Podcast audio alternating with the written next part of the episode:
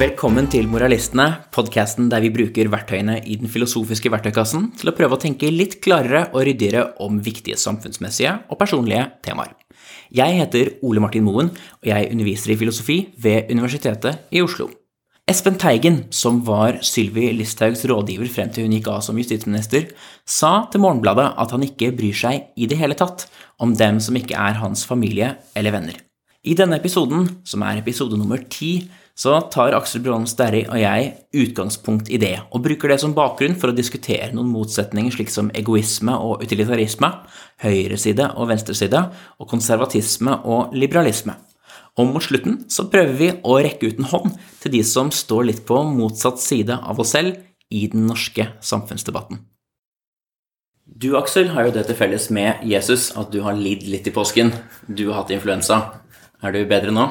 Jeg er eh, litt eh, bedre nå, og det har på en måte gitt eh, opphav til to tanker som jeg tenkte vi kunne diskutere.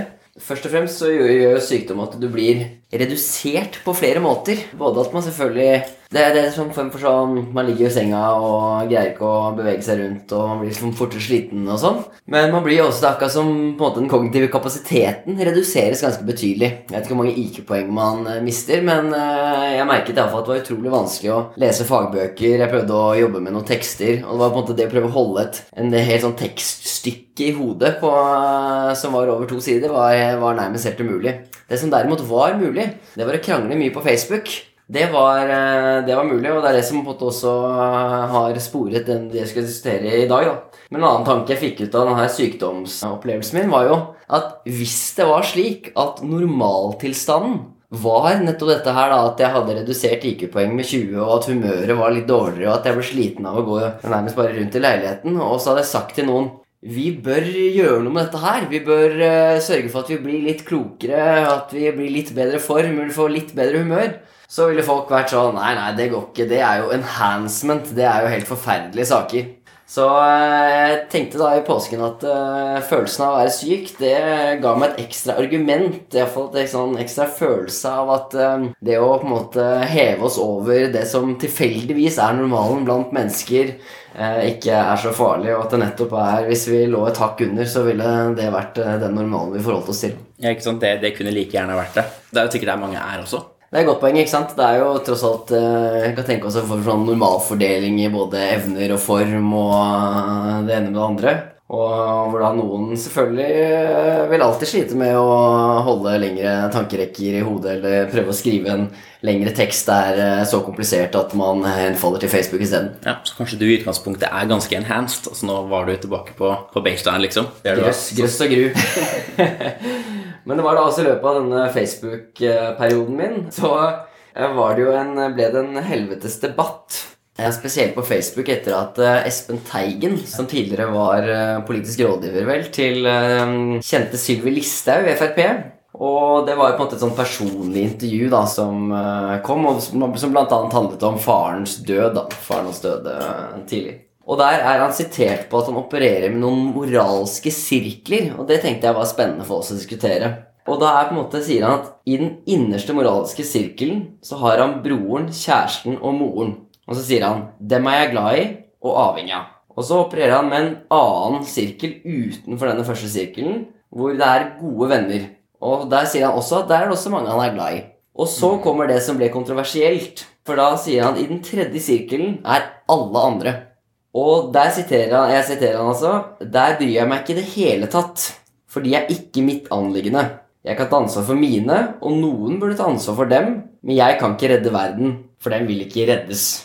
Og da havnet jeg i en eh, Jeg delte dette bare først og sa herregud, eh, jeg kan anbefale Teigen å utvide sin moralske sirkel. Med henvisning til eh, både Singer og Pinker og andre som har skrevet om nettopp at vi utvider på en måte vårt Ja, nettopp hvem vi inkluderer i de vi bryr oss om. Så ble det selvfølgelig da en enorm diskusjon da på hva Teigen egentlig mente. Og om Listhaug er i to eller tre. det kan også ha vært en del av dette, ja. Og det som mange da på en måte var for å forklare til det, så altså var det mange, inkludert Teigen selv, da, som uh, mente at han bare beskrev sine følelser. Uh, at dette ikke hadde noe med moral å gjøre. Og da presiserte han også i løpet av en del av disse samtalene på Facebook at han brydde seg om andre når han drev med politikk. Og han bekreftet også at han ville hjelpe noen i nødsituasjoner, som vi diskuterte i uh, siste podcast. Så hvis noen holdt på å drukne, så ville han redde dem, selv om da ikke de strengt tatt var hans anliggende. Så han har klargjort litt, litt av hva han egentlig mente. Men mitt poeng i denne debatten var at en rimeligere tolkning av hans uttalelse er at de både handler om hva han føler, men også om hva han bør føle. Og det er spesielt det jeg beit meg merke i, er det at han sier de er ikke mitt anliggende. Og det virker for meg som en normativ påstand, en påstand om hva han bør føle. Men det viktigste nå for vårt anliggende i dag, det jeg vil ha deg til å diskutere med meg, Ole Martin, er ikke hva Teigen egentlig mente, eller sånt, og det er ikke så viktig. Men jeg tenker at dette kan fungere som en litt sånn oppspark til en samtale om eh, den norske offentligheten, den norske debatten, om en del spørsmål om moralpsykologi, moralfilosofi og kanskje litt sånn strategisk kommunikasjon, hvis vi kaller det Og da tenkte jeg først å spørre deg dette om disse moralske sirklene. For bare som en ren sånn beskrivelse av hvordan vi mennesker opererer eller deler opp den måte, moralske verden eller måte våre forpliktelser, så er vel Teigen inne på et eller annet. At de fleste opererer med slike sirkler. Eh, Hva tror du? Det, det tror jeg. Jeg tror det ville også vært vanskelig å leve uten å operere med slike sirkler på noen, i noen forstand. Altså Man tenker en slags sånn arbeidsdeling i verden, i alle fall, da, der man har mer ansvar for noen enn for andre, men der andre igjen har ansvar for dem. Og kanskje også politikk da, er en sånn arena hvor vi på en måte prøver å favne om alle, da, men at vi i politikken liksom da har ansvar videre ut enn kanskje ellers har. Du kan se for deg at det norske samfunnet også kan være si, hovedansvaret for norske politikere, mens altså Nato og FN og slikt da vil kanskje kunne ha et, eh, gjøre at vi også har en visst ansvar lenger ut, men det blir da mindre og mindre. Så, men klart det, det moral, si, filosofiske spørsmålet måtte da være er dette på en måte bare nettopp en hendig arbeidsdeling, eller har vi også faktisk sterkere moralske forpliktelser da, til noen enn til andre? Eh, men også der vil de aller fleste si at det har vi faktisk. Hva vil du si? Jo, altså Det, det virker ganske naturlig at uh, ikke sant, mammaen min og pappaen min og nær familie, ikke sant, men også da venner som jeg føler at jeg har ekstra forpliktelser til. Det er ingen tvil om det. så det, hvis, det, hvis det er noen jeg skal Jeg vet ikke om vi trenger gå så langt som å si at hvis jeg på en måte kunne prioritert å redde noen av dem Så det er klart, jeg ville jo endt med å redde dem. Altså Si at det hadde vært på en måte bare Jeg har en båt, og så skal jeg er det en, er mammaen min på den ene steinen i havet, og så er det en fremmed, totalt fremmed på den andre. Så er klart at så Hvis jeg bare kunne redde en av dem, så ville jeg mest sannsynlig reddet min mor. Men mer sånn dagligdags så virker det også som det er en hel del ekstra forpliktelser jeg har, da. I kraft av at jeg har noen spesielle bånd til noen nær meg, da. Så at ikke bare nettopp er en sånn tanke Og det skyldes ikke bare mine følelser, men eh, det er kanskje fordi altså det kunne gitt, Man kunne gitt en form for sånn utilitaristisk eller konsekvensialistisk begrunnelse, som er at jeg har en større evne til å gjøre min mor glad. Eh? Hvis du ringte mammaen min på bursdagen hennes, så hadde hun sikkert blitt glad for det. Men jeg tror hun blir mye gladere for at jeg ringer henne på bursdagen, og at du ringer henne på bursdagen. Og hun er mye mer opptatt av at jeg skal komme på middag til henne.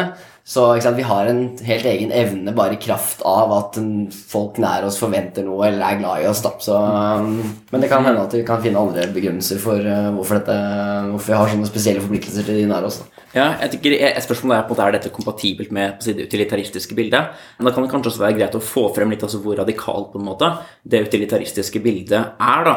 For slik utilitarister ser det, så skal man jo prøve å bare skape en verden som er best mulig, på en helt upartisk måte. Så verden kan være i bedre eller dårligere tilstander. Vi skal gjennom handlingene våre prøve å velge den fremtiden som er best. da. Helt uavhengig av hvor vi selv står i denne verden. Utilitarister vil kunne si at det er forståelig at vi si, er egoistiske eller at vi bryr oss ned om de rundt oss, men sånn, hva det moralen sier, liksom, helt grunnleggende sett, så stilles alt helt uh, upartisk. Og det er jo et, et, eh, i utgangspunktet et ganske radikalt syn. Eh, Det er et syn som det kanskje ikke er så lett å argumentere mot heller. Men likevel, det er jo, det er jo et rammeverk som ligger ganske langt unna det vi de fleste opererer med i dagliglivet. da. Og Da vil utilitarister prøve å bygge en bro mellom disse. og da prøve å si, ok, ja, Selv om det grunnleggende sett er si, velferd som sådan som er viktig, vi skal bare fremme det helt upartisk, så gir det mening at vi har en arbeidsdeling. Det gir mening at vi har spesielle relasjoner til de rundt oss, og ikke minst spesielle relasjoner til oss selv. da. Eh, Så det gir mening at vi bryr oss om oss selv mer. Men det er klart, da vil man jo kunne slå tilbake da, men hva hvis du faktisk kan hjelpe andre som er langt unna, bitte litt mer enn hvordan du kan hjelpe de nære? Burde du da gjøre det? Og da vil jo utilitarister vel måtte si at ja, da bør du hjelpe de lenger borte. Eller tenker du at utilitarister kan ha si, ressurser til å kunne si at selv da så bør du hjelpe de nære? Eller Jeg ser jo at noen iallfall påstår som jeg har litt sans for. Jeg vet ikke om det på en måte er bare en måte å hjelpe seg ut av problemet, eller om dette er et genuint svar. Men eh, det som er vanlig å si, er jo at eh, det er vanskelig å si at for det handler om at uh, Gå tilbake til dette spørsmålet om hvem man skal redde. da, Så er det spørsmålet skal man redde uh, kjæresten sin eller redde to fremmede fra, fra døden. Og da virker det som en uh, utilitaristisk måte, konsekvens vil være at du bør redde to mennesker istedenfor å redde din kjæreste. da. Men da sier man Men det å på en måte i det hele tatt kunne gjøre det, være i stand til å redde to fremmede mennesker istedenfor kjæresten din, da har du på en måte ikke de, eller de, riktige disposisjonene til å være en god kjæreste. Så man kan se det at vi kommer til å redde på en måte kjæresten vår i den situasjonen. Og det er greit, fordi vi trenger å bare ha nettopp de diskusjonene som gjør at vi automatisk på en måte ikke tenker engang på at eh, det er mulig å gjøre det utenrikstisk sett beste for å redde de to da, istedenfor å redde kjæresten. Så det kan være et sånn mulig svar, da. Ja, så det, Man kan tenke at da vil man nesten måtte være nesten psykopatisk eller på å si emosjonelt på å si avstumpet for å kunne klare å handle på en slik måte. Og siden vi ikke bør være det, og ikke bør søke å fremme den slike trekk hos oss selv og heller ikke hos andre, så har vi en slags en ekstra grunn til å kunne si at ja, vi bør hjelpe de som er nær oss. Men det er klart, det er også et spørsmål da, om det faktisk er verdt det. da, Om det er det som faktisk alltid alt gir det beste. Men det synes jo kanskje ganske plausibelt at det faktisk er. Det tipper jeg. ikke sant? Det er ikke så mange stasjoner hvor du vil være Jeg havner iallfall slike stasjoner hvor ting blir satt på spissen. Mm. Men det er klart, jeg tror nok når det kommer til f.eks. For forholdet mellom foreldre og barn, eh, så er det et spørsmål om ikke mange foreldre i dag bruker for mye ressurser på sine egne barn.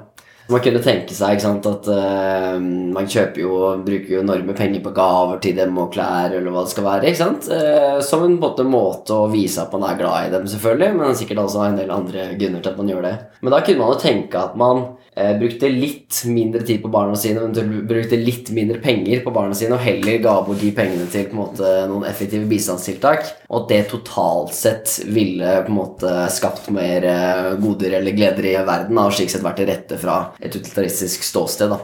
Så det kan nok hende at vi overdriver. At vi, vi, har på en måte en tanke om at når eh, noe er godt, som åpenbart en foreldres kjærlighet til barna sine er, så på en måte fins det ingen grenser for hvor mye kjærlighet du kan putte inn i den relasjonen, og hvor mye penger eller hva det skal være putte inn i den relasjonen. da. Og da har man kanskje ikke tenkt eh, langt nok eh, på hvilke andre ting man i så fall gir opp når man gjør det. da. Mm. Og det som men det, sant, nå har vi på en måte holdt dette innenfor eh, et sånn, sånn utilitaristisk eh, Og det, som, du, som, du, sier, så er jo det eh, Mange mener at dette det er på en måte ganske sånn ekstremt. For da er det på en måte, da er det bare måte pragmatiske grunner for at vi har spesielle forpliktelser overfor de som er nære oss. da. Men de aller aller fleste tenker at vi med god grunn kanskje at dette er mer sånn en fundamental eh, moralsk eh, størrelse, eller hva vi skal kalle det. At vi nettopp har ekstra forpliktelser overfor de vi, de vi er nære. Og hvordan er det i så fall Har vi noen teorier om hvordan, hvordan kan det begrunnes? Vet du? Ja, jeg, jeg, tror en, en, måte å argumentere for det vil jo være at eh, vil jo egentlig bare, bare vise våre intuisjoner, eller hvordan, hvordan, ting synes. Eh, for det er klart, det utilitaristene sier, er jo at det er, noen, det er alles velferd der ute som er, er det relevante, og dets relasjon til oss er ikke det relevante. Men slik det i hvert fall synes når vi de fleste ser si, innover i oss selv og hvilke, hvilke, opplevelser vi har, da, så synes også vår relasjon å bety noe, og ikke bare av pragmatiske grunner. Eh, min familie, mine venner og slike ting, de ser ut til å ha en slags sånn claim da, på meg som, som andre ikke har. Og eh, det er klart Man kan spørre seg hva er det, hva, hva kan igjen begrunne det? Men her vil jo noen si at ultimat sett da, så bygger moral på en del sånne grunnleggende intuisjoner eller oppfatninger som vi har. da. Og det er kanskje én måte å kunne argumentere for et syn om at, vi, om, at, om at, den partiskheten Det er ikke bare en dragning vi har. Det er ikke bare slik at vi har lyst til å være partiske selv om vi ikke burde det. Men den reflekterer faktisk i en eller annen form for moralsk sannhet. da. Som ikke bare er en tilkortkommenhet hos oss som kanskje utilitarister ville si, men som virkelig reflekterer på en eller annen sannhet da, om den moralske virkeligheten som vi navigerer i. Noen vil kanskje også si at uh, dette er en form for sånn altså den, Vi trenger den, disse nære altså der, i, i de nære relasjoner, uh, der er det på en måte naturlig på en måte moralen oppstår, kan du si. Vi har på en måte uh, følelser overfor de vi er nær. Vi har lyst til å ofre oss for, og det er spesielt kanskje kjæresterelasjonen. Så eh, kan man sette den andre foran seg selv, f.eks. Man har lyst til å ofre noe for den andre. Og det er først når vi på en måte I så fall hvis vi har moralske forpliktelser da, for også fremmede, så på en måte kommer de ut fra disse moralske, på en måte, mer naturlige følelsene som er i på en måte de nære relasjoner. Da. Så vi trenger på en måte i fall, å dyrke disse på en måte, det lokale relasjonene. Disse nære forpliktelser. For det er der vi på en måte kjenner på at ja, vi kan faktisk sette noen andre foran oss. Og det gjør vi da overfor kjæresten, vi gjør det overfor eh, familien vår. Men det kan vi også gjøre for venner, og vi kan kanskje til og med strekke det utover. Eh, så at det er liksom sånn eh, kan man kalle det, den moralske på en måte, for diskusjonen på en måte settes i gang. Den på en måte starter i det lokale, og så blir den på en måte global etter hvert. Ja, så hvis den ikke kultiveres godt nok der, da, så får den aldri på å si vokst utover heller. Mm. Da kommer, får man ikke disse på å si moralske sirklene som man kan utvide og utvide og utvide.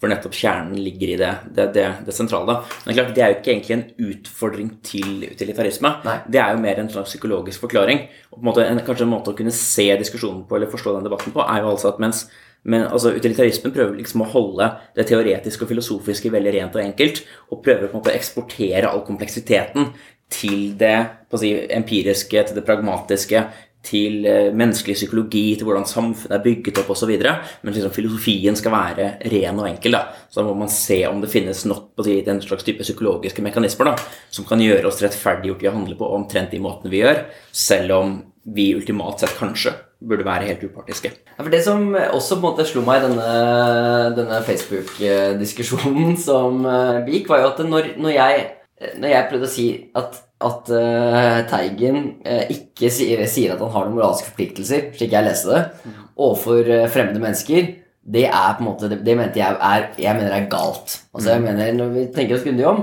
så er det slik, eh, mener jeg, at det eh, fremmede også betyr noe. Eh, bare fordi vi ikke har en spesiell relasjon til noen, så betyr det ikke at, de ikke, at ikke, hvis vi kan gjøre noe godt for dem uten en betydelig en måte, kostnad for oss, så er det noe vi kanskje vil gjøre. Og det kan selvfølgelig være at vi ikke Vi skal ikke være slemme mot noen, altså vi skal ikke lyve, kanskje, eller, men det kan også være positive forpliktelser hvis vi nettopp kan donere en viss andel av inntekten vår til et veldig veldig effektivt bistandstiltak som gjør at eh, noen ikke får eh, dør av malaria, eller at de kan eh, reddes fra å gå rundt blinde, eller eh, kan andre ting som eh, vi lett kan gjøre fordi vi er så rike her i Vesten så kan vi ha en slik moralsk eh, forpliktelse overfor dem. Og det kan jo enten begrunnes inn eh, igjen i utilitarismen, men det kan også bare være en sånn forpliktelse til å på en måte være Vise en omtanke eller prøve, prøve å bedre verden på Og det, det kan være innenfor mange moralteorier, kan det, det stemme. Men det som møtte meg i den diskusjonen da, var at jeg på en måte ikke bare inngikk i en moralsk diskusjon, diskusjon om hva som er rett og galt, og hvilke moralske forpliktelser vi har, men at jeg også var moraliserende. Og det er noe som går igjen, syns jeg, i det offentlige ordskiftet, at når man eh, sier f.eks. det er galt å spise kjøtt fordi det som vi har diskutert på en tidligere podkast, eh, det er galt å spise kjøtt fordi dette her eh, kommer fra dyr som blir behandlet veldig veldig dårlig, og det har vi en eh, moralsk grunn til å ikke gjøre. Og da blir man beskyldt for å på en måte, Hvem er du til å på en måte blande deg inn i mitt privatliv, eller hva det er? Og så blir man kalt en uh, moralist. da Vi har jo kalt, på en måte, vi prøver å eie dette ved å kalle på podkasten vår uh, Moralistene. Mm -hmm. Men er det noe i denne moralist-beskyldningen? Eller er, er det sånn, må vi være i en viss for eksempel, relasjon til noen? For at det er greit å beskylde dem for å måte gjøre noe moralsk galt? Eller er dette bare Er det folk som ikke er vant til å måte diskutere rett og galt? Jeg, jeg, jeg synes det er interessant denne anklagen om, om at man moraliserer. Fordi eh, den her kan man jo på en måte generalisere litt, fordi, eller gå opp et nivå. Fordi det de gjør da, er jo å si at moralisering er galt. Eh, så her kommer, jo, her kommer jo de med sin moralske pekefinger og sier at sånn skal man ikke gjøre i offentligheten. Dette skal du ikke gjøre. Hvorfor kan man ikke si at det er galt å spise kjøtt, men likevel si at det er galt å moralisere? Så det ser ut som i en forstand så biter de seg selv i halen da, ved nettopp å komme med en moralsk dom. da.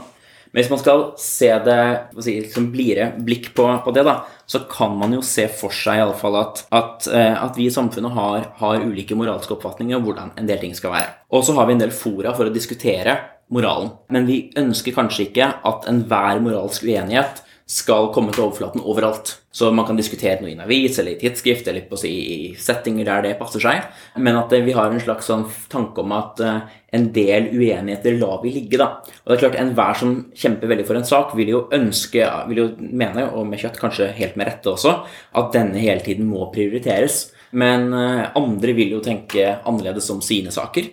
Og da kan man se for seg at vi kan nå en slags sånn enighet da, om at, eh, om at vi på en måte outsourcer dette eller lar dette være et annet sted. Og da kan på det man kaller moralisering da, f.eks. være å trekke frem disse litt sånn grunnleggende eller store moralske spørsmålene og si, anklagene om at noen gjør noe umoralsk, da, i fora hvor det ikke passer. Og det kan man jo se for seg uansett. Man kan se for seg situasjoner der moralisering om det ikke vil være si, hensiktsmessig. Og det er spørsmålet hvor stor da, er denne sfæren da, av sirkler hvor eventuelt moral ikke bør diskuteres. da. Så Det er det jeg kan se for meg som er den slags rimelige utgaven av en sånn moraliseringsanklage. Ja, for det, det er interessant. Det er på en måte enkelte situasjoner det ikke passer seg å på en måte si 'du er et' fordi det som man, Når man sier at dette her er galt å gjøre, ja. Eh, det er galt å spise kjøtt, eller det er galt å ikke bry seg om fremmede mennesker, så det er en ganske alvorlig anklage. Du tar ikke opp det mens du har sex, liksom. Nei, sant? Og Som vil være en, sant, en, en anledning. Eh, og du kan se for deg andre ting er liksom litt tilsvarende på en måte. da, Om at eh, det er kanskje et ekstremt eksempel, men, men det kan også være andre biter da, i samfunnet hvor det hvor det slett ikke er rom for det. da. Ja, det liksom, og det, er, det, kan være nesten litt sånn slemt. Og, og, i dette tilfellet her med Teigen, hvor det var da intervju om faren hans som hadde dødd, og så det var på en måte litt personlig, og da på en måte kaste seg på og si du er også et umoralsk menneske, på en måte, eller du har ikke forstått hva som er på en måte rett og galt, så er man på en måte man stiller seg kanskje i en sånn her en høyere posisjon på en måte og ser ned og sparker ned, nedover, på en måte, som ikke folk liker. Ja, kanskje, Det kommer litt an på hvordan man tolker konteksten her også. da, så var det, altså Hvis dette er et intervju eh, Nå leste ikke jeg intervju, men hvis dette handler som om farens bortgang, da Og han på en måte skal forklare litt hvorfor han blir så lei seg av dette, nettopp fordi han bryr seg si, mer og mer om de som er nærmere ham, da, så tenker jeg at da kommer denne pekefingeren og sier at ja, men hva med de som er helt utenfor din sirkel? Bryr deg ikke om dem, liksom? Tenk på alle de andre fedrene som døde denne uken, liksom. Så da kan jeg jo se for meg Det kommer litt an på hva konteksten vår er, da. Ja, absolutt. Men jeg har tenkt eh, på at det virker som eh, et måte, barn av det man kaller sånn liberalismen, eh, og liksom politisk liberalisme, har på en måte gjort at vi ikke er blitt er, ikke, ikke, flinke til, men at vi sliter med å diskutere moral i offentligheten. Eh, for en, en del av måte, liberalismen handler jo om at eh, som da en type politisk filosofi eller måte å organisere samfunnet vårt på, er at vi, det er visse ting vi ikke skal gjøre til politikk. Vi skal på en måte la hver en måte, enkelt, en måte, om det er religion eller på en måte, enkelt menneske, få lov til å finne ut hva de selv anser som det beste liv for seg. Og de kan ha ulike syn på abort, og de kan ha ulike syn på aktivitet og slike ting. Og så skal på en måte politikken holde seg på en måte ganske nøytral med tanke på en del av disse livsvalgene, eller dype, på en måte viktige moralske livsvalgene som uh, folk tar. da. Og det syns jeg virker uh, Det gir mening på et måte, politisk nivå. At det er visse ting vi nettopp tar ut av Ikke i den offentlige samtalen, men vi tar det ut av Eh, politikken, slik at ikke politikken skal bli så hard. fordi hvis, liksom, hvis eh, moral alltid skal inn i politikken, og flertallet da kan vinne, så kan det bli utrolig Da blir politikken så viktig at den tar over eh, alt, og du kan på en måte splitte opp hele samfunnet. da. Det kan bli alles krig mot alle. Fordi alle må ha din religion, alle må ha dine preferanser. Ja. Og det ønsker vi ikke. Nei, ikke sant? Så det, er sånn, det gir selvfølgelig mening. Hvis du er på en måte 70 så ønsker du på en måte at uh, din religion skal uh, nettopp være kanskje statens religion. Ja. Og du ønsker å påtvinge folk å leve i tråd med de tingene, eller de måtene du anser som best. Men så har man da kommet til en form for sånn uh, en, en, fred, da, hvor man prøver å holde dette utenfor politikken. Men det er jo på en måte, det handler jo om hva staten skal gjøre. Og dette handler ikke nødvendigvis om hva vi i den offentlige debatt bør ta opp. Og jeg syns det virker, virker, dumt å på en måte ikke på en måte kunne diskutere hva som er rett og galt. Men det virker som at det har gått med i dragsuget på et vis. Så når vi diskuterer hvor vi nettopp sier Nei, det der er galt. Det er galt å spise kjøtt. Så, er på en måte, så sier man nei, det er moralisering. Det skal vi holde utenfor. Så at det på en måte har kommet med liberalismen, så har det på en måte nettopp da, nettopp, som jeg sier, har det gått med i dragsuget, hele debatten om moral. Tror du Ja. det stemmer? Er? Altså, jeg skjønner jo at det er sånn skanse til. Dette gjelder jo Listhaug-saken også. Der hun etter å bli utsatt for kritikk sier at ja, men hun har ytringsfrihet. Eh, og klart, det var jo heller ikke det vi diskuterte, om hun har det eller ikke. Det har hun uten tvil. Spørsmålet var var det hun sa riktig. Og jeg skjønner jo at idet man går tom for moralske argumenter, så kan man på en måte prøve å gå til det mer generelle politiske, da. Og late som dette er et angrep på ens rett til å gjøre det, f.eks. Men det kan jo kanskje også, og det vil være urimelig der, men det kan hende noen vil tenke tilsvarende om kjøttdiskusjonen, f.eks. Om det er en diskusjon om de bør få lov til å spise kjøtt eller ikke. Og da er det jo en politisk diskusjon igjen, da. Det jeg tror Det jeg lurer på, altså, som på måte henger litt sammen med dette anklagen om eh, moralisme og anklagen da om at eh, man Om det er eh, Man prøver å kneble noen, eller hva det skal være, i en del legitime diskusjoner, også er en sånn det er, blitt veldig populært eh, å snakke om at vi driver med sånn type eh, signalisering når vi er i, er i offentligheten. Og eh, du nevnte det på en tidligere podkast. En fyr som heter Robin Hansen, som nå har kommet med en bok som eh, heter 'Elephant in the Brain'. Han argumenterer for at veldig mye av det vi gjør, er for å på en måte signalisere hvor bra vi er, eller overfor potensielle alliansepartnere eller potensielle seksualpartnere. Og det, er på en måte, det ser ut til å være en del kritikk som kommer da mot spesielt folk på venstresiden, hvor man sier at eh, dere prøver bare å vise at dere er gode. Så det er ikke slik at dere egentlig prøver å gjøre samfunnet godt, men dere prøver å på en måte vise at dere nettopp er de gode på, har de gode verdiene. Og så prøver dere å på en måte stemple andre som onde. Og det her begreper som sinnelagsetikk og godhetstyranner har på en måte kommet inn i den offentlige samtalen. Og det er litt sånn merkelig når man sitter her på filosofi, så, på en måte sånn, så virker det ikke som man pleier å dele de ulike etiske teoriene. Så er det ikke sinnelagsetikk er ikke noe som man lærer om så ofte. Så, Jeg, vil tro at det i så fall betyr pliktetikk, da, hvis man skal på å si, oversette det til eh, det si, akademiske språket. Så, så for sinnelagsetikk er en av disse, disse ordene som brukes mye i offentligheten, som ikke har så mye med akademisk etikk å gjøre. Tilsvarende dette skillet også mellom moral og etikk, som også er veldig viktig i alle lærebøker i KRLE på skolen, og sånne ting også, men som jeg i hvert fall er veldig usikker på hva, hva egentlig henviser til. Hvorfor er, det, er dette et relevant skille? Men uh, klart at de godhetstyrannene det måtte eventuelt være utilitaristene, kanskje. Uh, men, uh, men denne tanken om at vi er på en måte posører, da, det er kanskje også et ord som brukes. ja. Eh, altså at, at man på en måte poserer som god. da. Det er jo et si, interessant moralpsykologisk anliggende. Eh, og som jeg også tenker at kanskje moralfilosofer ikke har diskutert så veldig mye implikasjonene av. For det er jo et psykologisk tema. altså Hva er det som er motivasjonen vår for å si ting, for å gjøre ting? Ikke minst, Hvilken rolle kan det spille i moralfilosofien? da? At man fremmer en moralteori ikke fordi nødvendigvis den er sann, men fordi man vil tone flagg, man vil vise hvor man, hvor man står. Så det er jo definitivt et, et fenomen, det også. Hvis vi tenker at i det vi sier noe, da, eh, så er jo ikke det bare et utsagn om verden, men det er jo en talehandling. Altså Vi prøver å gjøre noe med, med verden når vi snakker, akkurat sånn som vi gjør noe med verden når vi utfører andre handlinger. Vi prøver å oppnå visse goder. da. Jeg tenker Det er et veldig sånt, si, sentralt anliggende, tror jeg, da, rundt å forstå ikke bare handlinger eller snakking om det meste, men også snakking om moral. Og det virker som om at det kan nærmest foreta en sånn konsekvensialistisk analyse også i så fall av eh, dette moralposeringspoenget. da. Altså Hvis det er slik at Det på en måte kan være en veldig sånn tom anklage, mener jeg. Hvis du sier Hvis jeg påstår eksempel at eh, det er galt å spise kjøtt, eller jeg påstår at eh, vi bør gi bort 10% av inntekten vår til eh, effektive bistandstiltak, og sier, du, sier noen eh, det, det sier du bare for å posere, for å framstå som god. Ja. Så er det litt sånn Ok, kanskje er det en uh, skjult motivasjon jeg ikke er klar over. At jeg prøver å være så snill som mulig fordi det øker min attraktivitet på sjekkemarkedet, eller at det gjør meg mer populær som venn, eller uh, det gir meg en god følelse inni meg. på måte. Men det er jo på en måte irrelevant for uh, den normative påstanden jeg framsetter, om, som handler om hva vi bør gjøre. Så når vi på en måte sier sånn du er en god godhetsposør, så er det ikke sikkert vi kommer så langt. Det er i så fall bare starten. Du må på en måte vise to ting. Du må vise ok, dette her gjør du bare for å posere. Og det ser ut til å få negative effekter for hvordan du tenker uh, moralsk. da. Det er vel det man kanskje påstår i flyktningdebatten. Så er det jo liksom Ok, uh, vi skal ta imot masse flyktninger, for det viser at vi er snille.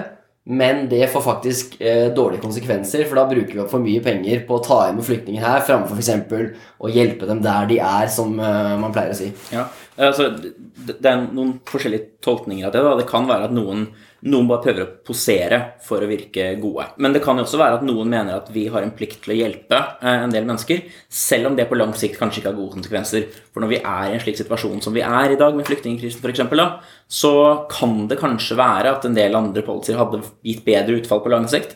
Men når vi først er i den situasjonen vi er i, og flyktninger kommer til Norge, så har vi en plikt til å ta vare på dem. Kanskje det skaper dårlige insentiver andre steder i systemet over lang sikt. Kanskje, kanskje ikke. Men likevel, da når vi er her, så må vi gjøre det vi gjør nå. Og det er jo da egentlig ikke en posering på samme måte, men det blir kanskje noe mer i retning av det som slik begrepet sinnelagsetikk kanskje brukes da i offentligheten. At uh, vi, vi, må gjøre det gode og det rette her i den, den konteksten vi er i. Og ikke tenke altfor mye alltid på hva som er det beste i det, si, det, det store og langsiktige bildet. Det er jo på en måte to, Du sa jo på en måte sinnelagsetikk mest sannsynlig på en måte er pliktetikk, men det tror jeg ikke det nødvendigvis er. da, fordi iallfall Anklagen om sinnelagsetikk Det er ikke så mange som kaller seg selv sinnelagsetikere. Så det er typisk, det er litt sånn semi-skjellsord som brukes. Og da virker det som sinnelagsetikk handler i stor grad om at du har på en måte en god vilje og ikke tenker så mye på Eller på en måte du, du har de gode intensjoner, ja. men du bryr deg ikke så mye om konsekvensene av det. Eller du, du, driter kanskje i alle konsekvensene ved handlingene. Så det på en måte det riktige er å ville hjelpe flyktninger, så mange som mulig ta imot de. Selv om det ville hatt forferdelige konsekvenser for både samfunnet og vært ineffektivt for å hjelpe egentlig den totale mengden flyktninger. da. Mens pliktetikk er vel litt mer sånn vi vil si at hver gå litt mer grundig på sånn at vi har visse plikter, som ikke nødvendigvis slik at jeg har det beste sinnelaget i alle tilfeller. Men for jeg kan på en måte ikke Jeg skal ikke lyve dette situasjonen, eller vi skal Når vi har flyktninger på døra, så har vi en plikt til å motta dem. Det kan være noe annet enn sinnelagsetikken slik eh, kritikerne sier at det er. da. Ja, men det er likevel en slags sammenheng mellom dette. Kant sier at det eneste som er godt i seg selv og godt på si i enhver kontekst, er den gode vilje. Altså eh, Viljen til å gjøre noe godt og noe riktig, den er på en måte Og selv om den måtte lede til dårlig utfall, hvis du virkelig prøvde å gjøre det gode og det riktige, så er det en form for sånn renhet ved det. At man prøvde, faktisk. Eh, og det ønsker vi jo, men det som er problemet, er at hvis du, hvis du på en måte ønsker å hjelpe, da, og du vet at du faktisk må undersøke de empiriske forholdene for å finne ut hva er det som faktisk hjelper, men du lar være å gjøre det så prøver du faktisk ikke å hjelpe, så da har du ikke den slags rene viljen likevel. Mm. Men, men, det man kanskje kan se på som en slags sånt, si, skille her, da, er jo hva, hva, er dette samfunnet eller hva er den tilstanden i verden som vi prøver å oppnå. Den ene kan jo være at folk er mest mulig lykkelige. Som jo utilitarister vil ha på sånn ekstremutgaven nå, da, Der det er det som er det eneste som betyr noe. Mens andre vil kanskje tenke at ja, det er viktigere at folk er moralske, at folk har gode intensjoner. Så vi ønsker på en måte å spre gode intensjoner i samfunnet. Så hvis det er veldig mange som har gode intensjoner, så er det et godt samfunn. Og kanskje det er det eneste som betyr noe. Altså litt radikalt motsatt standpunkt. Man kan se for deg det er en slags trade-off mellom disse. da. Mm. Der vi bare ønsker gode intensjoner rundt om, liksom. Så hvis du på en måte har din, din gode intensjon, så, så, så var det fint. Og at du på en måte vil spre dette da, i samfunnet. Men er, er da, Jeg syns jo det kantpoenget er, er, litt vanskelig å forstå. Ikke sant? Ja, for Hvis det skal tas til det at det bare er eh, det gode vilje som eh, betyr noe, så hvis vi på en måte nettopp eh, ender med å Greit, vi hadde masse gode vilje, masse gode intensjoner, men det endte i noen skikkelig dårlige konsekvenser så virker det på en måte helt urimelig. Og da setter på en måte intensjoner over konsekvenser. Det er tross alt konsekvenser vi må leve med. Men på et vis så gir det mening hvis jeg forstår han rett, at han mener at eh, hva som faktisk blir konsekvensene, kan være litt sånn tilfeldig. Altså Noen ganger er vi heldige, noen ganger er vi uheldige. Vi kan både prøve å gjøre så godt vi kan, og vi kjører sakte på veien og prøver å ikke på en måte skade noen. Og så plutselig så hopper det noen uh, foran oss uh, foran bilen, og så kjører vi dem ned. Så er det på en måte Vi prøvde så godt vi kunne, på en måte, og så virker det da urimelig å på en måte straffe noen, eller på en måte si at de var på en måte onde mennesker eller slemme mennesker. Mens derimot det kan være en eh, full, eh, full utilitarist som er ute og kjører dritfort, og så ender han med å ikke kjøre noen ned av bare tilfeldige grunner, og så er det på en måte sier vi ja, det var en fin handling siden konsekvensene var så gode. Jeg, jeg, jeg tror det, det, det Kant vil si, tror jeg, er jo at så lenge du har den, den gode vilje, da, vil det rette og prøver det rette, så har, unngår du alltid klanderverdighet. Da, ikke, da, kan du ikke med rette moralsk klandres for det du gjør. Men, og, og, jeg tror kanskje noen, noen vil tolke konsekvensialisme som tanken om at hvis du virkelig prøvde å gjøre noe, eh, noe godt, men det gikk skeis og du faktisk skadet noen, så betyr det at du bør klandres for de konsekvens, negative konsekvensene som det hadde. Så uansett hvor mye du prøver, det er det konsekvensene som betyr noe. Og det ser jo da ut til å gjøre spørsmålet om klander eller ikke klander veldig avhengig av tilfeldigheter. Mm. Men det er litt sånn det er et litt sånn annet moralsk spill konsekvensialister der driver med. For da det er jo ikke egentlig Konsekvensialisme er jo ikke teorien om at folk bør er prisverdige eller bør klandres ut fra om handlingene de har utført, har gode eller dårlige konsekvenser. Konsekvensialist vil jo nettopp si at noe, vi, bør, vi, bør, prise noen for det de gjør, eh, hvis det å prise dem har gode konsekvenser. Og vi bør klandre dem hvis det å klandre dem har gode konsekvenser. Og noen som går rundt og hele tiden prøver å gjøre det beste. Det er jo en veldig god ting. Det er jo det vi ønsker at folk faktisk skal gjøre, selv om det noen ganger ikke fungerer. Så, men det vil jo si at, men fra førstepersonperspektivet, da, det du skal finne ut hva er det du faktisk skal gjøre, eh, så må du nettopp vil konsekvenslisten si, prøve å se på hva er det du har mest grunn til å tro at vil gi de gode konsekvensene. Men her syns jeg er veldig spennende, fordi du har jo på en måte Adam Smith, som eh, er på en måte sies å være en av grunnleggerne av økonomifaget, og han er jo på en måte kjent for å eh, bli sitert på at det er ikke, det er ikke fra på en måte bakerens eh, måte, altruisme eller gode vilje eller hva det skal være, hvor at vi får vårt brød. Men det er derimot bakerens uh, tanke på sin egen uh, egeninteresse som uh, gjør at han står opp tidlig på morgenen. Morgenen baker det gode, beste brødet han greier, for å selge dette til kundene. Og kundene tenker på sin egeninteresse, de også. Og ender da med å på en måte velge den bakeren som leverer det beste brødet til den billigste pengen. Og så på en måte får vi innovasjon, og dette på en måte er slik eh, markedet skaper enorme gode verdier da, eh, i vårt samfunn. Og da kan det jo virke som om noen som da ikke har på en måte den gode vilje, eller at de prøver ikke å gjøre noe godt nødvendigvis, kan være altså, masse mennesker som nettopp da prøver bare å mele sin egen kake at det er det som skaper de beste konsekvenser, og sånn sett er den beste måten å handle på i vårt samfunn. Og det virker kanskje litt sånn kontraintuitivt hvis den historien er riktig, da. Men at det er det man da i så fall bør gjøre. Søke å melde sin egen kake i markedet framfor eh, eventuelt gå rundt og prøve å eh, redde flest mulig mennesker, eller hva det skal være, på andre måter, da. Ja, et problem iallfall liksom på lang sikt med at man tenker at man skal, man skal gi bort veldig mye av ressursene sine til andre, er at det vil jo gjøre at de gode over tid vil svekkes. For da, hvis de, hvis de som er si, gode, hele tiden prøver å ja, bli større og sterkere selv, så vil de bli mer og mer, si, få mer og mer makt. da. Men Hvis man hele tiden gir bort alt man har, på en måte som ikke kommer tilbake til en selv, så vil man jo gradvis kjøre seg selv mer og mer utover sidelinjen ved å bruke sin tid på alle andre igjen. Så det skjer en slags sånn skift. da. Så jeg tror det er ganske mye i denne Jeg tror nettopp det Adam Smiths innsikt her da, nettopp er et godt eksempel på hvordan kompleksiteten i psyken vår, psykologien vår og i samfunnet gjør det slik at ganske egoistisk atferd faktisk kan være rettferdiggjort. da. Og at samfunnet nettopp, altså Vi mennesker er ganske egoistiske uansett, rent deskriptivt. Og det er spørsmålet hvordan er det vi kan klare å være egoistiske på en måte som er til alles beste.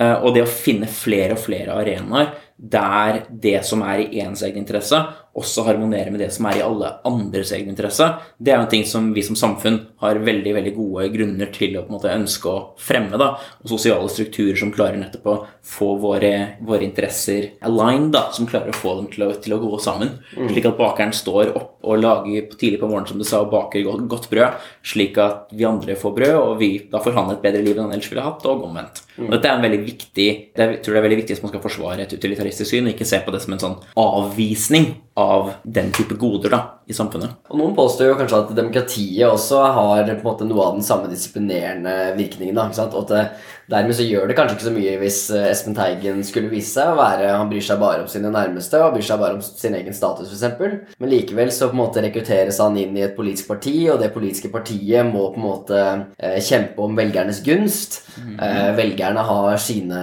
interesser, og dermed så må på en måte politikerne i har fått en viss grad på en måte prøve å please dem. da. Og da har vi også på en måte laget et system hvor da selv om uh, de som da er politikere, prøver å melde sin egen kake, ender med i større grad enn de ellers ville gjort, i fall, med å tilby goder som uh, velgerne ønsker. Problemet med både den markeds... Uh, denne på en måte, teorien om måte, at egeninteressen alltid leder til på en måte, et kollektivt gode, både innenfor markedet og for demokratiet, er jo at eh, det er jo veldig veldig mange tilfeller hvis vi bare tenker på vår egen interesse, at vi greier å lure de andre. Så um, det er på en måte Hvis dette var slik at alle byråkrater egentlig bare tenkte på seg selv, så ville de jobbet minst mulig. De ville på en måte, Hvis ikke de blir overvåket av eh, noen over dem. ikke sant, Samme arbeidstakerne. De ville ikke gidde gjort en ekstra innsats, annet enn hvis arbeidsgiveren helt klart så hva de dreiv med, og dermed kunne belønne dem for den eh, produktivitetsøkningen de bidro til.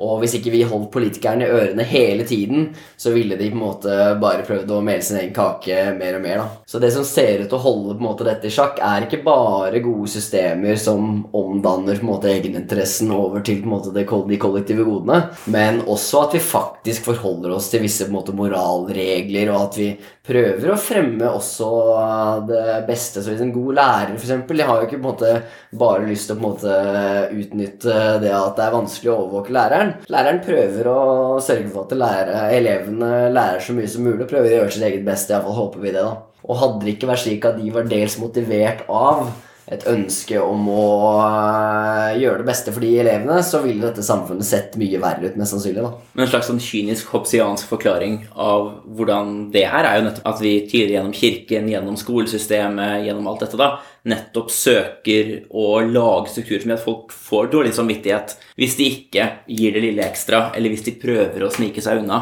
Eh, og at vi derfor på en måte prøver å ha en slags sånn kontroll på folk internt da, ved å si altså ok, staten kan se deg, men det er f.eks. en gud over dette også, da, som også kan se deg der staten ikke ser deg, og han er veldig stor og sterk og sint og i det hinsidige. Kan man se på, på å si, moralprosjektet. Det er nok slik jeg tror som en sånn etisk egoist som Hobbes kanskje er, da, vil se på hele samfunnsstrukturen og hele moralen da, mm. som nettopp et forsøk på å få folk til å oppføre seg. Og hvis vi kan klare å få dem til å oppføre seg uten at vi trenger å overvåke dem, og uten at vi trenger å, å si, bruke ressurser på å straffe dem, og slike ting, men de på en måte si, disiplinerer seg selv, da, så vil jo det være et veldig godt tiltak. Jeg tror det blir sannhet i det. Det var en nylig eh, studie som nå var publisert av bl.a. Eh, Joe Henrich, som er sånn sosialantropolog som er, eh, er veldig klok. Da. Han er opptatt av, han er opptatt av um, hvordan på en måte guder som er Eller han prøvde å teste hypotesene. Om det er slik at guder som vi tenker er allvitende de vet mye, og de er moraliserende, og de er straffende. Eh, og guder med de tre egenskapene de ser ut til å fremme altruistisk handling hos eh, de som tror på dem. da. Eh, også utover klanen, på en måte. Så eh, den tesen om at nettopp eh, den gud som eh, ser alt vi gjør, og straffer oss hvis vi ikke eh, måtte handle moralsk, eh, ser ut til å ha en, en del støtte, da. Så det, mm, man kan håpe selvfølgelig at nå som vi blir mer og mer sekulære, da, at vi har noen andre måte, institusjoner som staten eller andre institusjoner som på en måte spiller noen av den samme funksjonen. Da. Men selv om man sier metafysisk er en ateist, så må man være åpen for at det er en empirisk mulighet at verden er slik, og vi mennesker er slik, at uten denne troen på en gud, f.eks., så er det veldig veldig mange som vil gjøre veldig veldig fæle ting. Det er jo det er et slags mulig syn og en slags sånn pragmatisk grunn da, for at ja, kanskje man skulle hatt en si, Kanskje disse religiøse ideene spiller en viktig rolle likevel. Er, jeg tror ikke verden helt er slik. Jeg tror vi kan klare å få en ganske god verden uten, uten en tro på en gud også. Mm. Men spørsmålet om, om hvorvidt det finnes en gud,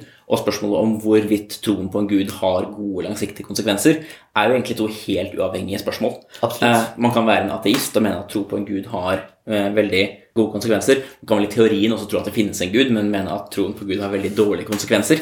Eh, det er kanskje et litt mer uvanlig syn, for så vidt. da.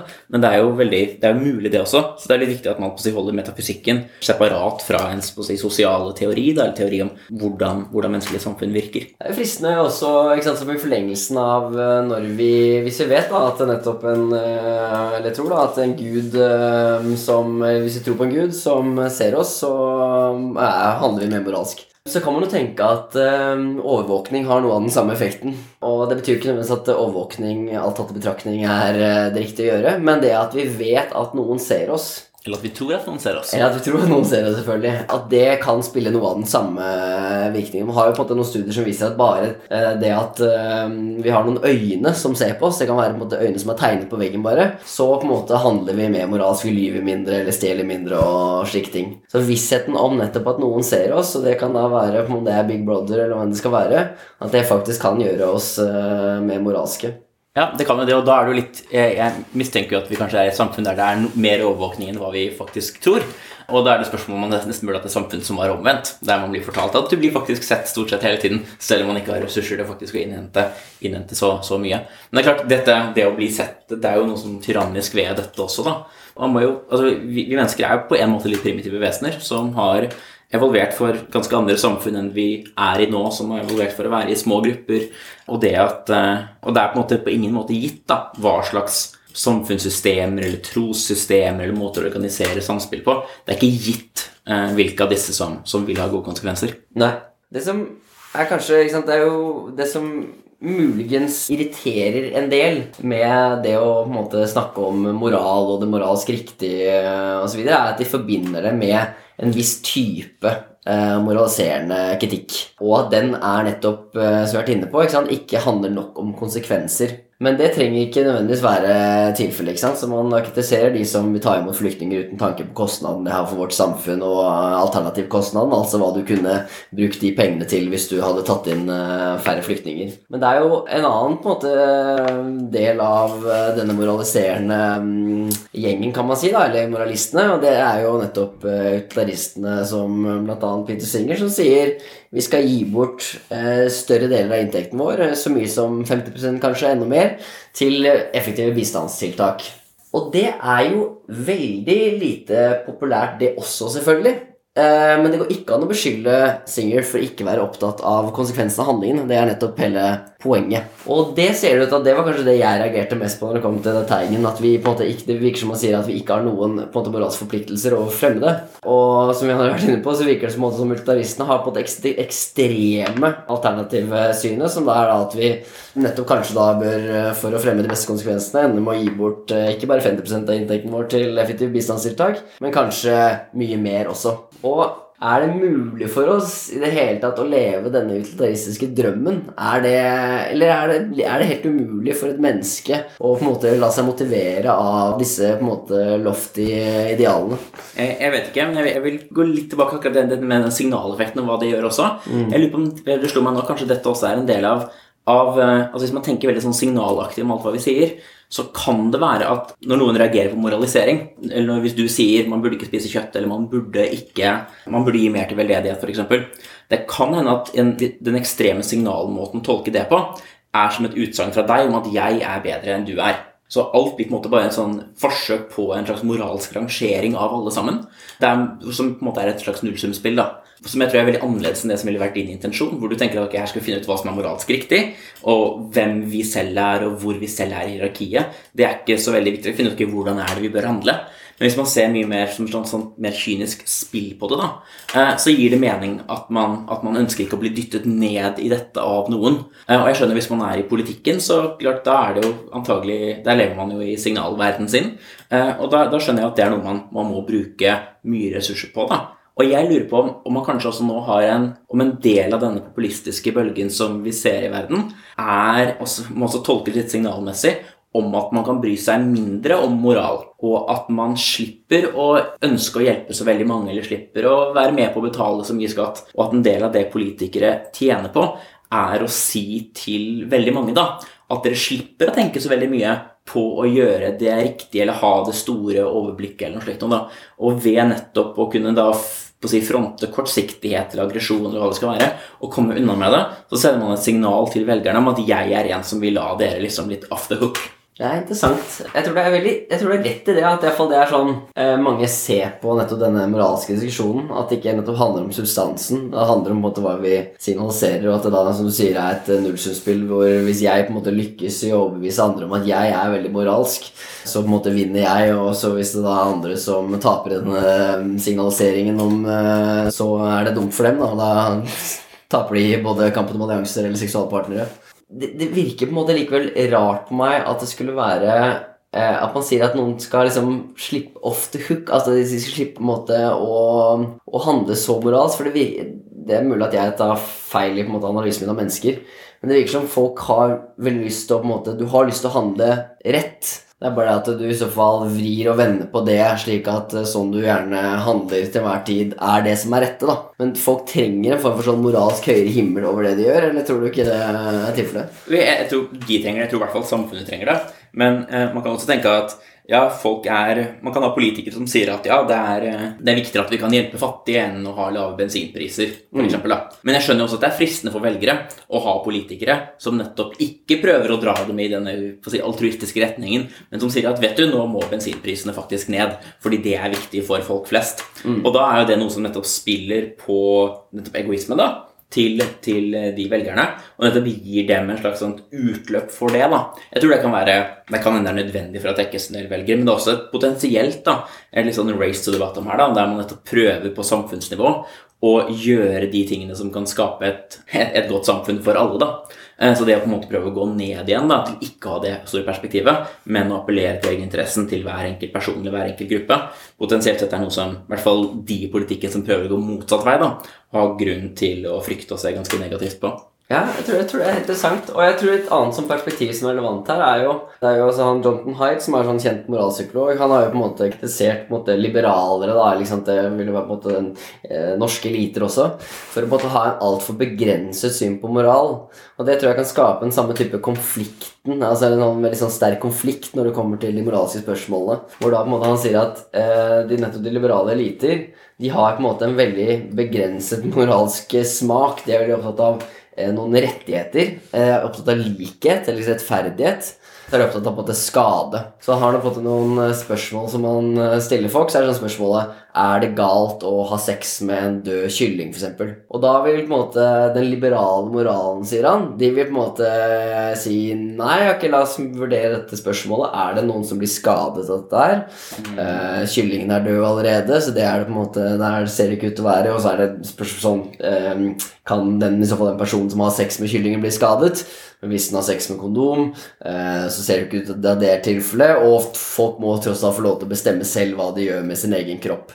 Sant? Så har man på en måte, Og da er den liberale på en måte, moralske analysen uttømt. Og man sier ok, det kjennes jo helt feil, men jeg har ikke noen argumenter for det, og dermed så må jeg synes det er greit. Og så er hans poeng at eh, konservative i USA, da, men også da mest sannsynlig konservative i Norge, og det vil sikkert inkludere en del, store deler av arbeiderklassen også, har andre moralske på en måte, smakssanser, som man eh, kaller det. da. Og da er det på en måte opptatt, av på en måte de er opptatt av hierarkier, de er opptatt av uh, ting på en måte er um, Viser en manglende respekt for om det er liv, eller sant, og manglende respekt for dyr på et vis. Ved å ha på en måte, sex med en død kylling, så selv om ingen direkte skade, så er dette bare å vise da, manglende respekt for det som er hellig, og har på en måte andre sånne type moralske verdier. da. Renhet, f.eks. Ja, renhet er uh, også veldig viktig. Og da er på en måte, hans poeng, tror jeg, at når den på en måte, offentlige samtalen da, blir på en måte styrt på, på måte, de liberale elitenes premisser. Og stadig flere av disse tingene som da om i renhet og hierarkier og avhengighet og slike ting, som da de konservative er opptatt av, når det ikke blir anerkjent som moralske størrelser og blir bare forkastet fordi de ikke passer inn i den liberale fortellingen, så skapes det noen enorme konflikter, og da kanskje for så vidt også en avfeiing av moralske spørsmål i sin helhet, fordi de ikke kjenner seg igjen i den diskusjonen. Og da er det jo spennende om, om det nettopp er én diskusjon, eller om det faktisk om de si, liberale og de konservative her diskuterer to litt forskjellige ting. Eh, for du kan se for deg at de, de, de, liberale prøver å finne ut av ja, er det et eller annet som liksom er iboende galt, litt sånn metafysisk på en måte, med noen som f.eks. har sex med en død kylling. Og så vil de si at nei, det er det ikke. Eh, så isolert sett så er dette på en måte greit. Det er på en måte en, man, prøver, man er på en måte tar for gitt en form for moralsk realisme, der man antar at det finnes visse på å si, moralsk gode ting og moralsk dårlige ting. Så dømmer man at nei, her er, det, her er det faktisk ingenting. Mens de konservative da kanskje vil tenke ok, eh, det vi spør om, er strengt tatt ikke om det finnes et eller annet moralsk onde i dette. Det vi spør om når vi spør om noe er moralsk greit eller ikke, er er dette noe som vi i samfunnet bør legge opp til at det er greit å gjøre. Så si, hva vil det ha å si for seksualiteten til mennesker? Dersom dette kommer inn på horisonten deres som en av tingene de kan gjøre, Eh, hva gjør dette med, med, ja, alle disse Man tenker seksualitet er ganske grunnleggende ting for mennesker, for revolusjonen vår osv. Og, og hvordan vi former den, hvilke rammer vi setter for den, eh, hvordan denne si, manifesteres i samfunn, hvordan det snakkes om osv., kan ha ganske store konsekvenser. Så en måte å tolke si, det konservative synet på, da, som jeg gjør at jeg begynner å få en flik av sympati med det, er nettopp at her snakker vi om hva bør være de store moralske fiksjonene egentlig da, i samfunnet, som vi tror at på lang sikt vil gi gode konsekvenser. Og det er jo et litt annerledes spørsmål enn spørsmålet om akkurat i den tilfellet her finnes det noe moralsk godt eller ondt akkurat her sånn.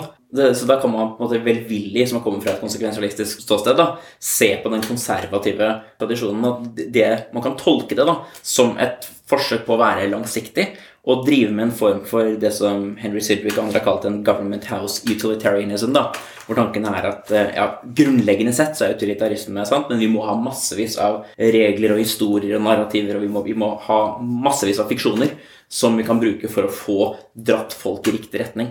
Og det er jo et prosjekt som utilitarister iallfall bør være grunnleggende sympatiske til. Eh, og tenke at ja, det kan, kan, faktisk hende.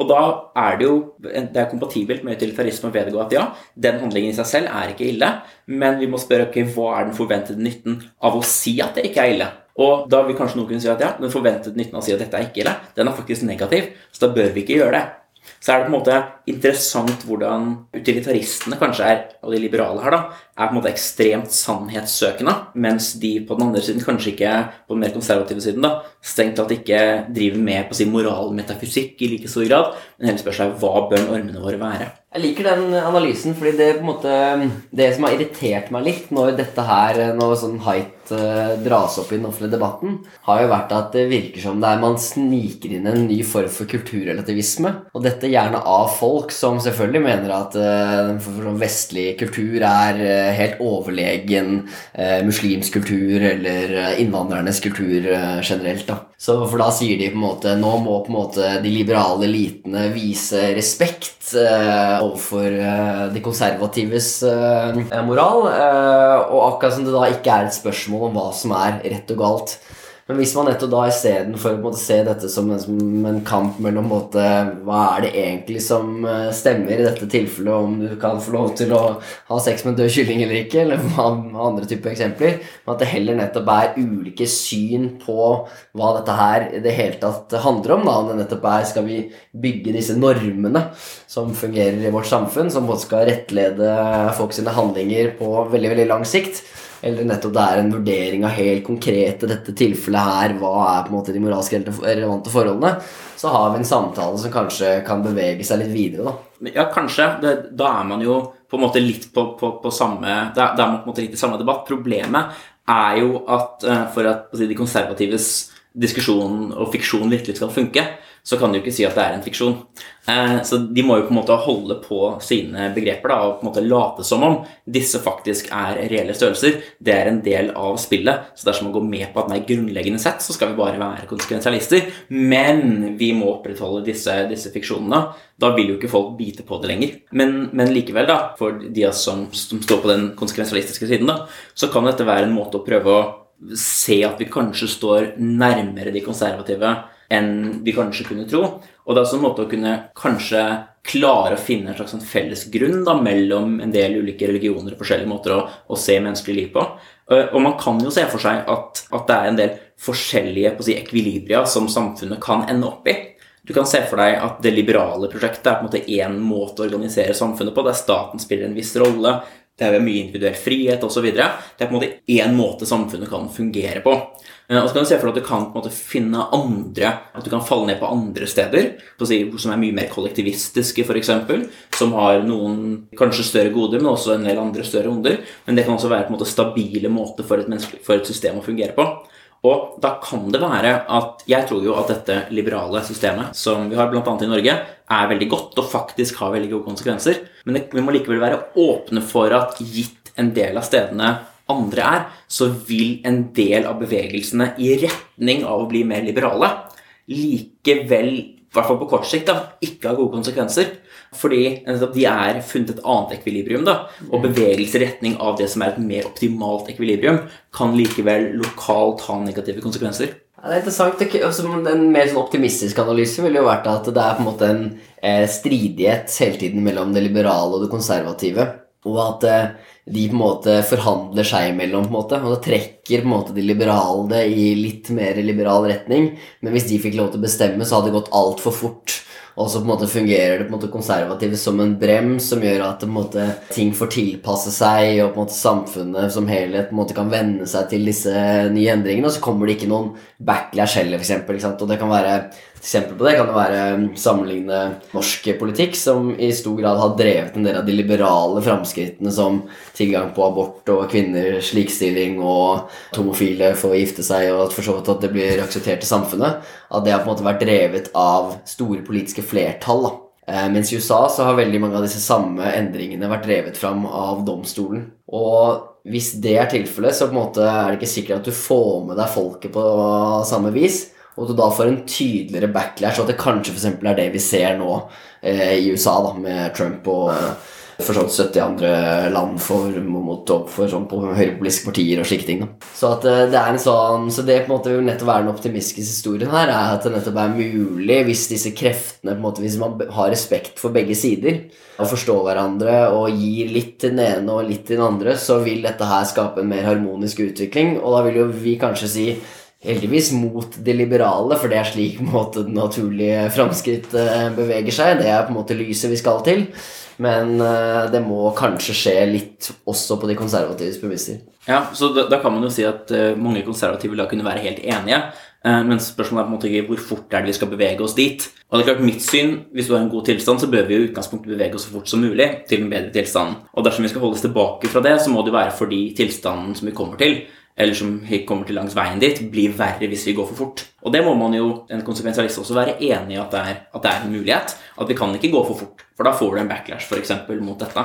Men det er klart, hvis her synes da den, den liberale, konsekvensialistiske det synet da, kan på en måte gå mer på mer og mer av de konservative standpunktene eller innsiktene. da. Og da er det spørsmål hva er det som egentlig skiller disse, disse to standpunktene til slutt. da. Og jeg tror kanskje at det nyttige og det gode synet å ha her, da, vil være nettopp å ha den litt sånn teoretiske renheten om at ja, hvis noe er bra, så har vi en grunn til å fremme det, og jo før jo bedre.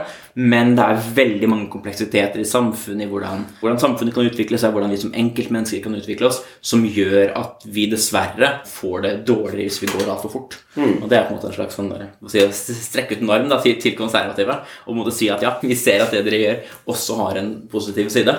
Samtidig som vi også sier at det er antagelig veldig nødvendig å dra ting i en mer liberal eller mer konsekvensalistisk retning også. Det er viktig her å skille med liksom, Vi bruker jo disse begrepene konservative og liberale, og de på en måte har litt ulike måte, betydninger i ulike eh, tradisjoner. Og det er jo, her er jo på en måte en tenker som Friedrich Hayek, som gjerne sies å være på en måte konservativ, har jo en del av de samme på en måte synene på en måte som nå Steven Pinker, som er sånn typisk eh, liberal, eh, liberal tenker. Og begge på en måte vil jo jobbe med å på en måte identifisere hvilke på en måte grunnleggende krefter i historien er det som har vist seg å på en måte skape framskritt over tid, og som faktisk fremmer på en måte menneskelig frihet og velvære. da.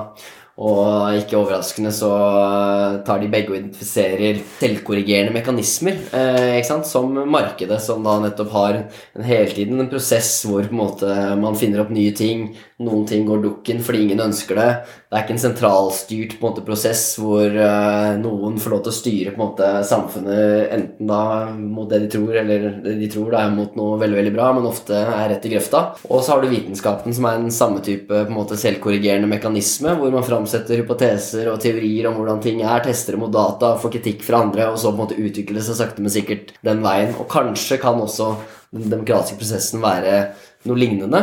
Hvor nettopp man prøver nye ting, og velgerne sier nei, dette her fungerer ikke, og kaster du de som ikke leverer bra ting. Og alle dette her er da prosesser som over tid har vist seg å virke. da, Hvor du da får en eh, Hvis man kaller Hayek en konservativ tenker, da, så vil han også ha identifisert disse tingene her som eh, skaper eh, de store godene vi er opptatt av. Ja, og dette, Det knytter seg til et sånt veldig synes jeg, interessant på nesten epistemologisk problem, og for hvordan vi skal forstå klokheten som ligger bygget inn i strukturene rundt oss. Altså, Vi selv har jo hoppet inn i verden på et eller annet tidspunkt, og så ser vi mange strukturer rundt oss. Spørsmålet hva skal vi gjøre med disse? Skal vi gjøre noe som helst? Skal vi prøve å endre dem? Og disse strukturene har jo evolvert, og de har gjort mye galt. Selvfølgelig de fleste strukturene vi har i samfunnet, men de har også gjort mye godt. Eh, og problemet, som jeg tror kanskje er dette på litt sånn konservative grunnsynet, da, at det er veldig mye godt som vi egentlig ikke helt vet hva er.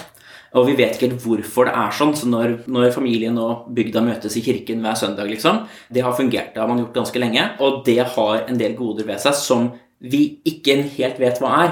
Vi vet ikke hva som er de sosiale eller psykologiske implikasjonene av det, eller av musikkvalget, eller av alle, alt dette her. da. Vi vet ikke helt alt hva det er som ligger der. Eh, så idet vi da skrider frem og spør hva er det vi skal revidere, da, så må vi være åpne for at det ligger kloke ting. Det kan også ligge systematisk skade, men det kan også ligge kloke ting som ikke vi vet om.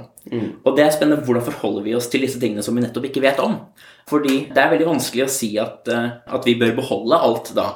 Fordi det er mye som åpenbart bør, bør revideres. Men kanskje konklusjonen fra det da er at man i noen forstand bør akseptere en form for konservatisme, med utgangspunkt i at hvis du gjør en intervensjon i et komplekst system, så er sannsynligheten, hvis det er en vilkårlig eh, intervensjon, stor for at dette vil medføre en skade. Hvis du gjør en vilkårlig intervensjon i si, menneskekroppen, skal det mye til at det vil være en forbedring. Det vil antagelig være en forverring. Man kan tenke det samme med samfunnet også, da. Noe som kanskje gjør at vi bør ha en ganske høy terskel før vi prøver å endre noe som er ganske fundamentalt. For det kan være veldig mange ting som vi ikke visste om, som, bygger, som er gode, som bygger på nettopp dette fundamentet, som vi da prøver å rokke ved. Jeg tror det er veldig eh, viktig, men jeg tror nettopp da er det viktig å skille mellom på statiske og dynamiske systemer. Og hvordan nettopp det man i stor grad bør på en måte hegne om, er systemer som nettopp har det i seg at de bidrar med på en måte stegvis på en måte bidrar til utvikling. Og da er nettopp da, ikke sant, markedet kanskje den proto-stereotypen på akkurat det. da hvor du nettopp har disse små endringene som gjøres av enkelte aktører. Eh, vi bestemmer hva vi har lyst til å kjøpe. Den helt nede på den enkelte arbeidsplass så vurderer man hvordan man skal på en måte bedre denne prosessen.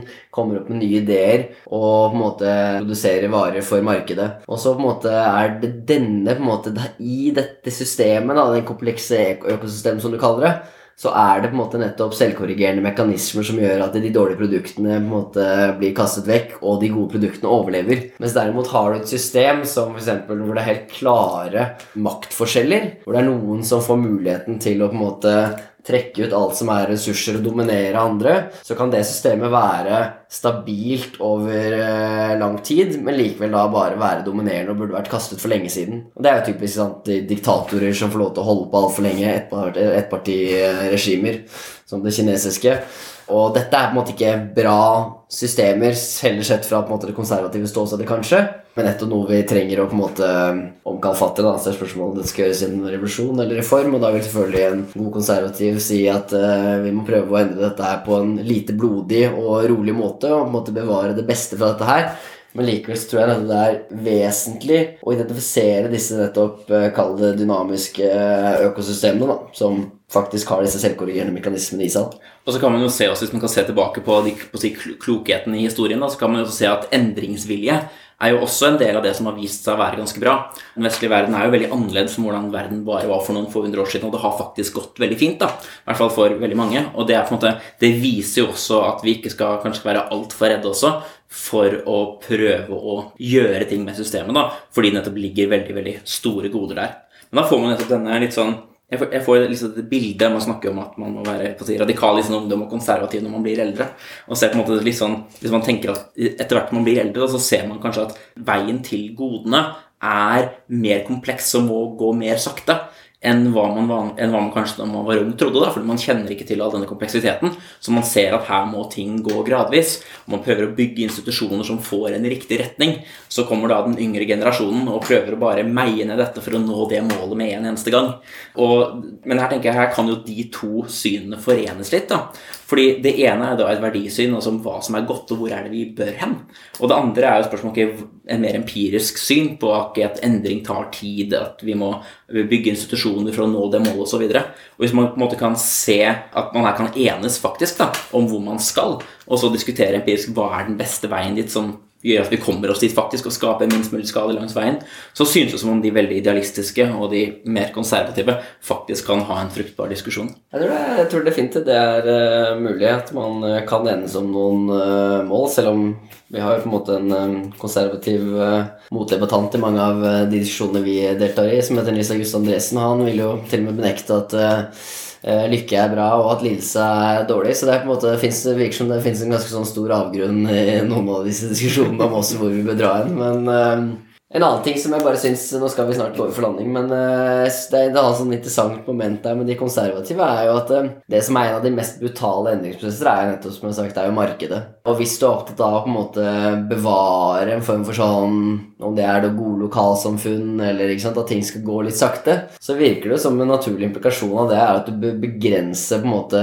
hvor hurtig markedet får lov til å på en måte vri om på eh, lokalsamfunn og, andre viktige relasjoner. Da.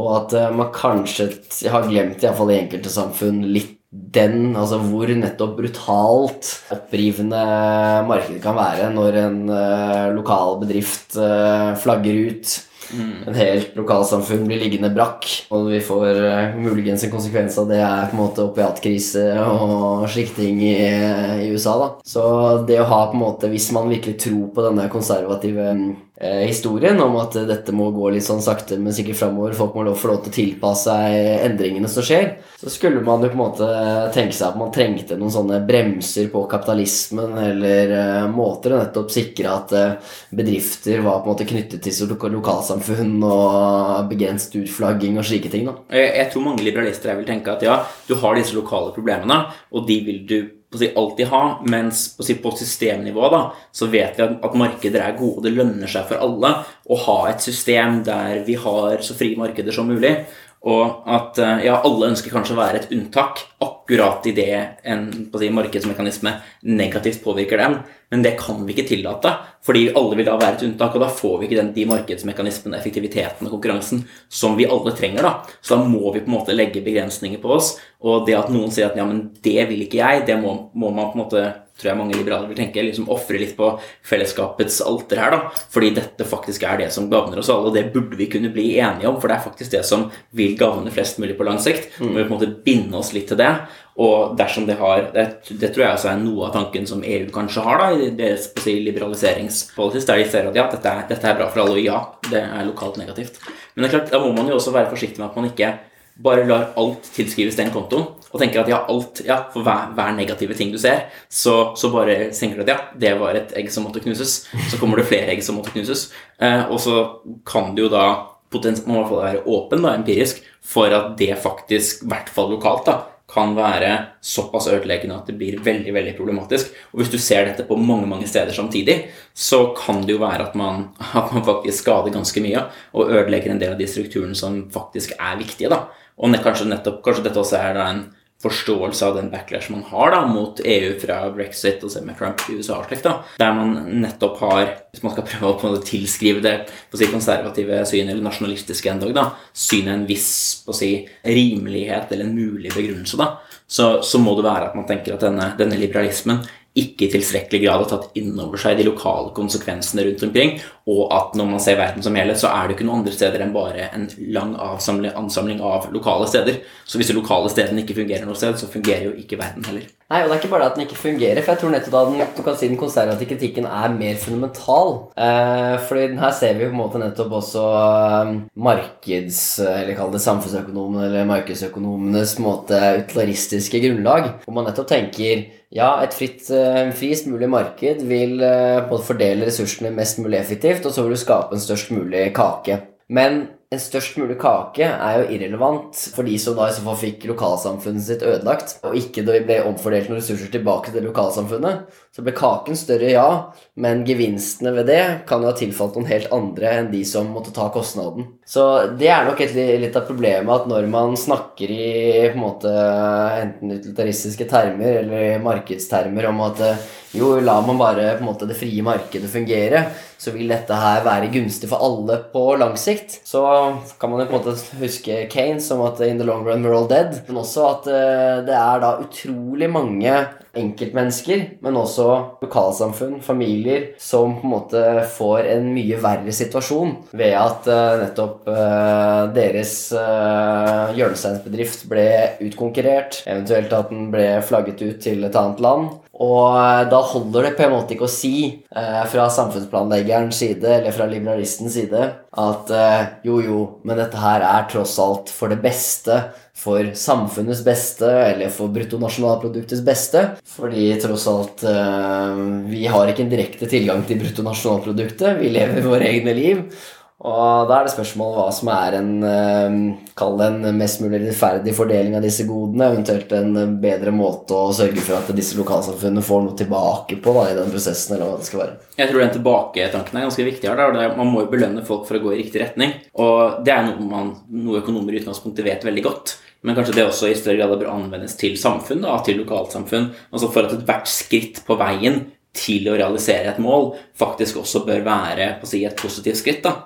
Men det er klart, da ender man jo veldig fort kanskje opp da, i noe som synes i praksis også ganske i kontrast med et sånn, si, litt idealistisk liberalt prosjekt. da, Der man nettopp må, må, må lirke folk fremover og gi lokale goder og gi subsidier eller hva det skal være. da. Men jeg tror det hadde vært fint om man, om man, kunne ha den debatten på de termene. da, At vi prøver, vi er på en måte enige, vi skal dit. Vi vil ha et å si, lykkelig, effektivt, moderne teknologisk samfunn. Så er spørsmålet ok, hvordan kan vi komme oss dit da, på en så skånsom måte som mulig. Og ikke late som om Jeg, jeg tror det er et problem med mye samfunnsdebatt og mye etisk debatt også. At man later som om midler er mål. Man, man tenker at, at, det er faktisk etisk viktig at dette lokale samfunnet det er det viktigste av alle. Eller vi er viktigere enn alle andre. America First, f.eks. Og det er jo definitivt galt. Men ja, det er viktig å ta hensyn til, til USA, i hvert fall for USAs lederskap. Og det er viktig at USA ikke taper på eh, internasjonaliseringen. Og på en måte det, det, blikket da, om at det faktisk er et viktig middel hen imot målet om et bedre samfunn for alle, det tror jeg igjen kan være en sånn si, enhetliggjører da, av en debatt som tilsynelatende nå er ikke en debatt der man er uenig om midler, men en veldig grunnleggende verdidebatt. da, Der det står veldig steile fronter mot hverandre. Nei, Vi kan jo la det være.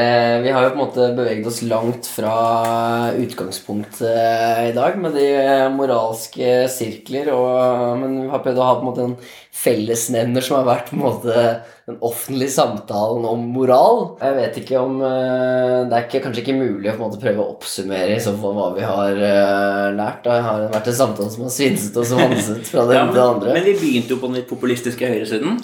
Og vi har på en måte landet litt på den populistiske høyresiden og diskutert det her også. I hvilken grad vi skal bry oss bare om oss selv og de nært oss, og i hvilken grad vi skal ha dette perspektivet på de som er langt unna. Så jeg tenker Det er jo et slags perspektiv da, på en, eh, eller et moralfilosofisk perspektiv på en del holdninger og en del samfunnsfenomener og endringer da, som vi faktisk ser rundt oss. Jeg tror Det er riktig. Og det kan jo være et, måte, et råd altså Hvis man skal måte, slenge et råd tilbake til måte, den offentlige debatt, og kanskje til oss selv og for så vidt når vi deltar i den, er jo på en måte kanskje det å være ydmyk og være litt nysgjerrig på hva som egentlig sies. Ikke sant? Det å på en måte påpeke at noen uh, enten er uh, at de er uh, ikke har forstått hva som er rett og galt, eller at de er moralsk krøplete mennesker, eller hva man skal kalle det.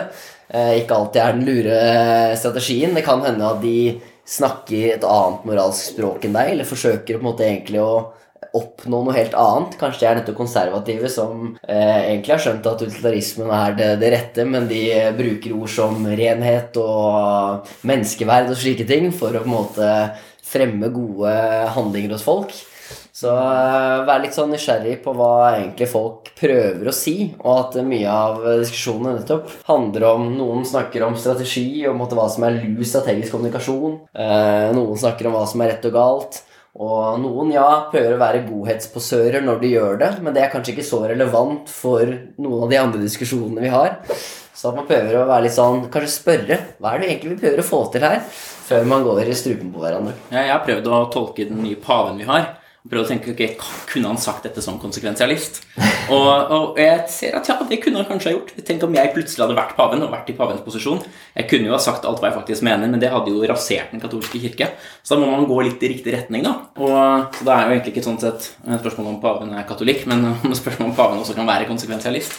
Eh, og, hvis, eh, og, jeg tenker at de skrittene som han gjør, som veldig mange konservative som søker å reformere litt, gjør, kanskje de faktisk er målmessig da, mer enig med meg enn hva man skulle tro. Så det er kanskje en oppfordring til konsekvensialister, da, å se litt i retning av at konservative ikke alltid kanskje er så urimelige og eh, sta og opphengt i, i, ting som vi burde ha forkastet, som vi hadde trodd. Men hva er, er det også noe til de på den mer konservative siden? Hva er det vel som vil si til dem? Jeg vil først si en ting, for jeg ble så, det her ble jeg veldig gira opp. Jeg tror det er veldig eh, riktig det du sier med at ikke sant, kanskje konsekvensialist kan se på andre som da potensielle skapkonsekvensialister. Det er én måte å se det på. Men en annen måte er jo at alle er jo stuck i det de til enhver tid driver med. Ikke sant? Noen er, ikke sant, Faren min er veldig opptatt av dette her. Han leder en uh, avis, og den har sin historie. Du har dine ansatte, du har et visst prosjekt. Og selv om det kanskje han kan sitte med da ideal om hvor den avisa skal, så må du på en måte likevel ta stegene ikke sant? fra der du er. Få med deg hele gjengen din, få med deg leserne. Ikke sant? Og ikke plage den alliansen ikke plage den alliansen. Så det er på en måte en utrolig vanskelig navigeringsprosjekt hver og en av oss må gjøre når vi er på en måte fast i ulike lokalsamfunn og organisasjoner, eller hva det skal være. da. Så det er på en måte sånn vi beveger samfunnet i den riktige retningen, er jo på en måte å få med, få med oss vårt få med oss våre. Og da kan det på en måte, hvis vi da på en måte mm, kjefter på folk for at de ikke kommer kjapt nok til det målet, kanskje da felles mål vi faktisk har, så blir det på en måte helt uh, håpløst. Vi bør heller se på om stegene de tar fra der de er, om de går i riktig retning, og i så fall belønne eh, må være forsiktig selvfølgelig, Det er ikke alle, Det kan jo være en klam omfavnelse noen ganger hvis en utilitarist klemmer til en som ikke som er et helt annet sted, men likevel på en måte ikke gå i, gå i strupen på de som beveger seg med museskritt i riktig retning. Når det kommer til spørsmålet om vi kan gi et eh, råd til de som er på den andre siden, så er det nettopp det å se at for veldig mange, tror jeg, som går inn i eh, moralske debatter, om det er eh, i debatt om kjøttspising, eller om det er debatt om flyktninger, eller om det er debatt om hva vi bør gjøre for de fattige i samfunnet, så at man ser at det er et helt genuint ønske om å gjøre verden til et bedre sted for de som har det aller verst, eller er de svakeste, som ikke har en egen stemme. At man ser at ja, det her det kan framstå som moraliserende. Det kan framstå som de tråkker på dine verdier eller ikke ser Eller kaller deg ond fordi de på en måte løfter seg selv opp som godhetsposør eller hva det skal være. Men det er nesten alltid et forsøk på å gjøre verden til et bedre sted, og det er et veldig sterkt forsøk på det.